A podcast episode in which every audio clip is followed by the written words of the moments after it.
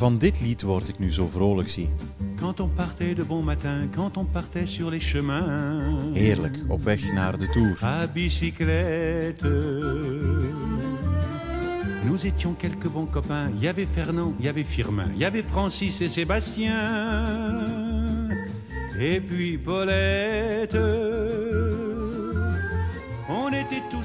Ik ben Christophe van de Goor en mijn copain voor de komende drie weken heten Sven, Serge en Frank. Mijn co-commentatoren Sven Nijs, Serge Pauwels en natuurlijk Frank Hoste. Drie weken lang praten we in deze podcast van Sportza Koers na over de etappe van de dag. devant Paulette. En avant met La Bicyclette van Yves Montand en natuurlijk zijn Paulette, de dochter van de postbode en het mooiste meisje van het dorp. Et depuis qu'elle avait 8 ans, elle avait fait en le suivant tous les chemins environnants. À bicyclette. Rit 5, Sven Nijs. We rijden af van een weide, van onze parking. Een beetje holder de bolder. Uit, eh, waar zaten we weer vandaag? Laval. Laval. het gaat snel natuurlijk. Ehm, dadelijk een verre verplaatsing van een uur of, eh, of een kilometer of 200. Maar goed, het is dag 5 en eh, dat is wel een beetje de kern van de zaak. We zijn alweer niet op onze honger gebleven. Iedere dag is er wel iets gebeurd. Alleen kan je nu de vraag stellen, of moet je de vraag stellen... Ehm, gaat nu de Tour voor een paar dagen op slot zitten? Want met zoveel suspense en Pogacar, die al, ja, ik zal niet zeggen een beslissende lo- eh, plooi legt, maar toch wel in zijn greep houdt de Tour. Ja, laten we niet ervan uitgaan dat er veel pech gemoeid is in de komende dagen met de renners. En dan denk ik inderdaad wel dat de Tour voor het algemene klassement voor een groot stuk op slot zit. Eh, je hebt daar Van der Poel en Pogacar die in mekaars buurt zitten. Maar als je echt spreekt over eh, Parijs en het eindklassement, dan denk ik dat eh, Pogacar ja, vandaag een fantastische zaak doet en dat hij eigenlijk de concurrentie wegblaast. Ja. Dat is, eh, dat is de conclusie. Waarom hebben wij met z'n allen, of, of hebben, hebben we zo weinig de naam Pogacar gelezen wat betreft de, de rit, mogelijke ritoverwinning? Want ja, we hebben het ook in de radio-uitzending gezegd. Als je kijkt naar die eerste 30 kilometer vorig jaar, alleen in richting La Planche de Belleville, alleen Tom Dumoulin was beter. Dat zei heel veel, maar blijkbaar waren we dat met z'n allen vergeten, want het ging ja, om de gele droom van Wout van Aert. Daar gingen we vanuit. Ja, omdat die jongen natuurlijk nog niet heel veel dit soort werk eh, heeft afgeleverd. Uitgeblonken inderdaad eh, vorig jaar in de Tour, maar aankomst stevig bergop op La Planche de Belleville. Eh, is natuurlijk nog maar 22 jaar en je verwacht dan niet direct dat hij dat ook hier voor ritwinst gaat doen. Om zijn eh, klassement te verdedigen, ja, maar voor ritwinst, dat denk ik dat, dat we dat inderdaad nog niet naar waarde inschatten. En ja, een paar weken geleden wordt hij ook nog geklopt op het eh, nationale kampioenschap. En niet door één man, maar ik denk dat hij daar, als ik me niet vergis, derde werd. Ja, ja. Eh, Tratnik won daar de, de tijdrit. Dus ja, het is allemaal nieuw. En vandaar dat we hem niet hadden ingeschat voor plaats 1 vandaag. En vooral, het is ook geen overwinning van ja, op de valreep, kwestie van indelen of zo. Nee, het is echt van, van bij het eerste tussenpunt resoluut aan de leiding staan en die voorsprong al maar uitbouwen. Dat is het straffen. En een hyperspecialist als eh, Stefan Kung, en je zag ook de grote ontgoocheling bij die Zwitser, dat zegt voldoende. Ja, het zegt voldoende. Maar ik denk ook dat we vooral niet moeten onderschatten hoe lastig die tijdrit vandaag was. Ja. Eh, we spreken dan van een eh, behoorlijk vlakke tijdrit, maar niets was minder waar. Hè. Het was Mhm. constant keren, draaien, op en af. Ehm, hij stuurt ook goed. Ik vind eh, algemeen draait echt ook een eh, behoorlijk vermo- ja, een, serieus vermogen op het vlakke. Dat is ook vorig jaar gebleken, waar hij ook al aan de leiding stond op La Planche de Belleville voor ze eigenlijk de klim waren aangevat. Dus ja, hij heeft het allemaal in zich en dat gaat alleen maar de komende jaren in principe nog versterken en verbeteren. Wat verbaast jou vandaag het meest? De tijdrit van Mathieu van der Poel. Ja. Ehm, Omdat het eigenlijk ook een onbekende was. Misschien kijken we hier over een aantal jaar op terug, als je nog vaker naar de Tour terugkomt. En, en is het een vaste waarde geworden na deze dag in het tijdrijden. ja, At- Mathieu van der Poel is gewoon een fantastisch atleet. En dat hij hard eh, kan rijden, alleen kan rijden, een solo uit de, uit de benen kan schudden, ja, dat kennen we ondertussen al, al heel lang. Maar het gaat ook over die, uh, die specifieke houding op die tijdritfiets waar hij heel weinig in geïnvesteerd heeft. Al moeten we ja, we krijgen tijdwinst, zegt de GPS. Dat is altijd heel leuk om, uh, om te horen natuurlijk. Kunnen we alleen maar toejuichen. Ja, zeker in, uh, in, in, de Tour uh, is tijdwinst wel mooi meegenomen. Maar we moeten, als we teruggaan over, het hebben over Mathieu van der Poel... Ja, maar dat is net het straffen van alles. Hij, zoals je zegt, hij heeft die houding amper gehad vroeger. Ja, maar in, in, kleine rittenkoersen, maar dan nog. En dan meteen dit uit zijn mouw schudden. Ja, maar we kunnen ook niet zeggen dat hij op die fiets is gegooid. Hè. Als we hem zien zitten op die fiets, zit hij behoorlijk ja, aerodynamisch op die fiets. Ehm, we zien dan ook in die details van vandaag die helm opduiken waar geen reclame op staat, waar misschien ook net in allerlaatste instantie toch nog wat meer proberen uithalen is. Uh, je hebt dan die wielen waar ze het over gehad hebben, die dan in laatste instantie nog zijn opgedoken. Hij is blijkbaar ook tot gisteren heel laat in de avond nog met die positie bezig geweest, om dat toch nog te fine-tunen. Dus om er zomaar met de losse pols proberen een goede prestatie eh, uit te gooien, dat is ook niet waar. Ik denk dat ze toch hebben geprobeerd om het maximum rendement nog uh, te behalen. En dan in combinatie met de atleet Mathieu van der Poel zelf zijnde, ja, krijg je vandaag een fantastische prestatie. Ja, en dan in de rituitslag in de buurt, bijna exact als Wout van Aert. Ook dat, ja, over wie zegt dat dan het meest? Maar ik denk sowieso dat uh, de prestatie van Wout van Aert naar waarde moet geschat worden. Um, ondanks de situatie die zich heeft voorgedaan in de afgelopen maanden. Ik denk dat eh, Wout van Aert zichzelf heel goed kan inschatten.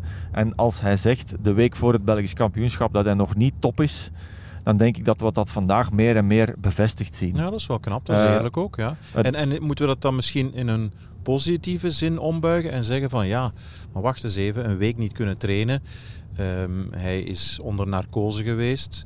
Appendixoperatie is wel niet meer uh, even erg als 20, 30 jaar geleden, maar toch, je bent daar, hè, de, de, de vorming van de tekenweefsel, de buikspieren zijn geraakt. Eigenlijk is zijn prestatie van vandaag tegen dat licht is wel straf. Indrukwekkend eigenlijk. Ja. Uh, er zouden heel veel jongens sneuvelen in, in, in dit soort geweld. Maar Van Aert ja, blijft wel, houdt zichzelf recht en, en doet meer dan dat. Uh, rijdt vandaag een hele goede tijdrit.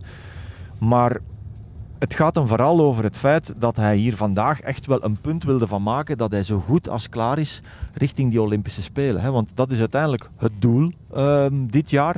Uh, hij heeft de afgelopen jaren bewezen dat hij daar echt zou kunnen meedoen voor medaillewinst. En op de Spelen tellen dan inderdaad drie plaatsen. Uh, maar door al die omstandigheden en de onzekerheid die vandaag toch een klein beetje groter is geworden, uh, begint de tijd wel wat te dringen. En natuurlijk heeft hij deze tour nog om daar hier en daar nog een procentje bij te doen. Maar is dat voldoende um, tegen een Kuhn, tegen een Ghana, hè, die hier vandaag dan ook nee. nog niet aanwezig is? Um, dat, zal, ja, dat, zal, dat zal de vraag blijven de komende dagen, denk ik. Laten we even kijken naar de concurrentie. Uh, Primoz Roglic ten eerste. Uh, trek het verlies van zijn val af in Pontivy dan staat hij op dit ogenblik op een twintigtal seconden ruw geschat van uh, Pogacar. Nu is dat 41, 1 minuut en 40 seconden. Waar in hemelsnaam dat goed maken? Hoe kan je dat doen? Wat ja. voor plan kan je daartegen bedenken? Maar ik, uh, het is, dat is een heel moeilijk verhaal. Hè? Want uh, Pogacar gaat natuurlijk Roglic nooit uh, een, een, ja, een duimbreedte toegeven. Die gaat altijd geviseerd worden. Andere jongens natuurlijk wel. Vinegaard bijvoorbeeld, goede tijdrit vandaag. Dat zijn mannen die misschien nog een klein beetje meer vrijgeleide gaan krijgen.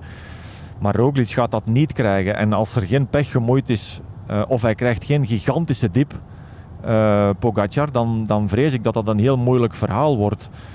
Maar natuurlijk, die tijdrit van vandaag, hij verliest daar ook nog wat seconden ten opzichte van Pogacar. Heeft ook allemaal uh, voor een stuk te maken met uh, de val en hoe die jongen eraan toe is. Hè. Geschaafd van onder tot boven, op zijn zitvlak zelfs. Ja, ga er maar aan staan om dan in de beugel een tijdrit te gaan afwerken. Want zou het nog van iemand anders kunnen komen? Ja, is een van de eerste klassementsmannen in de stand nu. Alle respect voor Oeran, maar dat is ook niet meer het, het, het piepkuiken dat uh, drie of vier jaar geleden op het podium stond van de Tour. Carapaz, ja, ja. Thomas ook niet schitterend in zijn werk van uh, het tijdrijden. Ook gevallen, alle respect daarvoor. Maar er zijn heel veel maren bij, bij de concurrentie. Absoluut. En we zijn natuurlijk verwend geweest vorig jaar. Hè, dat secondenspel ehm, dat zich eh, helemaal ontplooide in die, op die laatste uh, tijdrit, La Planche de Belfi. Zoals het er nu naar uitziet, gaan we dat dit jaar niet zien.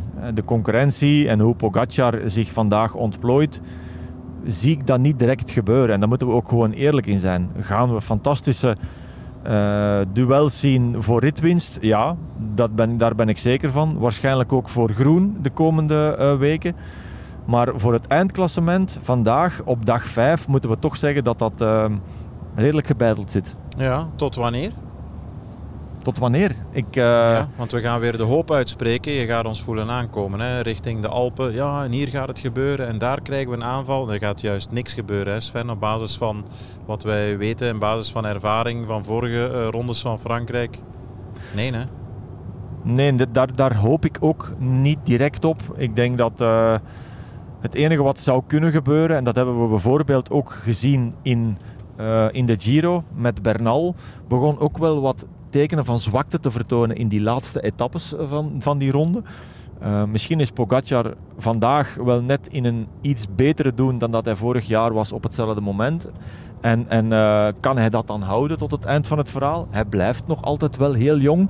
De druk zal wel wat groter zijn. Hij gaat misschien iets sneller geel pakken, waardoor zijn ploeg op kop moet rijden. Dat zijn allemaal dingen waar we ons kunnen aan vasthouden. Maar als hij geen gigantische tip krijgt, zie ik het niet direct gebeuren. Nee. Morgen gaan we weer sprinten, normaaliter? Morgen gaan we weer sprinten en ik kijk uit naar uh, Tim Merlier. Ik kijk, zeker ook uit naar Wout van Aert, hè, die vandaag toch ook wel aangeeft... Ja, ik ga uh, proberen van die sprint ook aan te gaan. En ja, met de vleugels die Kevin die gisteren gekregen heeft, zie ik hem morgen opnieuw meedoen voor dit winst. Ja, dat zou natuurlijk ook wel een geweldig antwoord zijn van Wout van Aert. Hè. Vorig jaar twee ritten in de Tour en de dag na na een tijdrit die verre van slecht was. Maar we hebben hem gehoord, hij klonk zeer ontgoocheld. Hè, want dat is toch een gele droom die voorlopig uit elkaar spat. En dan ja, zijn zijn tegenstander, eeuwige rivaal zeg maar, Van der Poel doet dat dan weer wel. Dat, uh, dat is niet fijn. Maar als hij dan zou kunnen antwoorden in de sprint, ja, straf. Ja, maar dat is uiteraard een ander verhaal. Hè. Ja. Uh, een tijdrit naar je hand zetten of een sprint winnen, een massasprint winnen dat zie ik morgen eventueel wel binnen de mogelijkheden liggen van, van Wout van Aert. Die explosiviteit, dat positie kiezen, uh, die timing, dat heeft hij gewoon in de vingers. Uh, dus uh, daar geloof ik echt wel in. Mm -hmm. Even terugkijken naar vijf dagen. Zaterdag, Landerneau. Mooie aankomst bergop. Geweldige Alaphilippe. Uh, de mevrouw met het bordje. Zondag ja, tot tranen toe bewogen door Mathieu van der Poel. Maandag dan gigantische valpartij, uh, Pontivy, uitschakeling van Caleb Ewan, maar vooral Belgische ritoverwinning met Tim Elier. Gisteren dan letterlijk de, de vrijzen is het Pasenmoment van uh, Mark Cavendish. En vandaag Pogacar die meteen de Tour bij de keel grijpt en Van der Poel die geel behoudt. Wij zijn absoluut verwend met leuke interessante dingen. En eh, dan de vervelende uh, vraag die je voelt aankomen. Kan je daar al iets van uit Wat heeft jou het meest beroerd of aangegrepen? Interessant gevonden? Voor mij is het een heel moeilijke keuze tussen eh, de ritwinst en geel van Van der Poel en de ritwinst en groen van Mark Cavendish. Ja. En dat heeft dan uh, los van de prestatie vooral ook te maken met de emotie van de atleten zelf. Uh, de story daarachter van jaren, zowel bij Polidor als bij Cavendish zelf, hè, die dan zijn 31ste overwinning pakt. Dus zet ze maar uh, gerust naast elkaar. Maar ik vind dat we verwend zijn. We hebben in het verleden saaiere eerste weken gehad, eerste dagen van de ja, Tour. Die dan ook wel spektakel brachten als het ging over een sprint.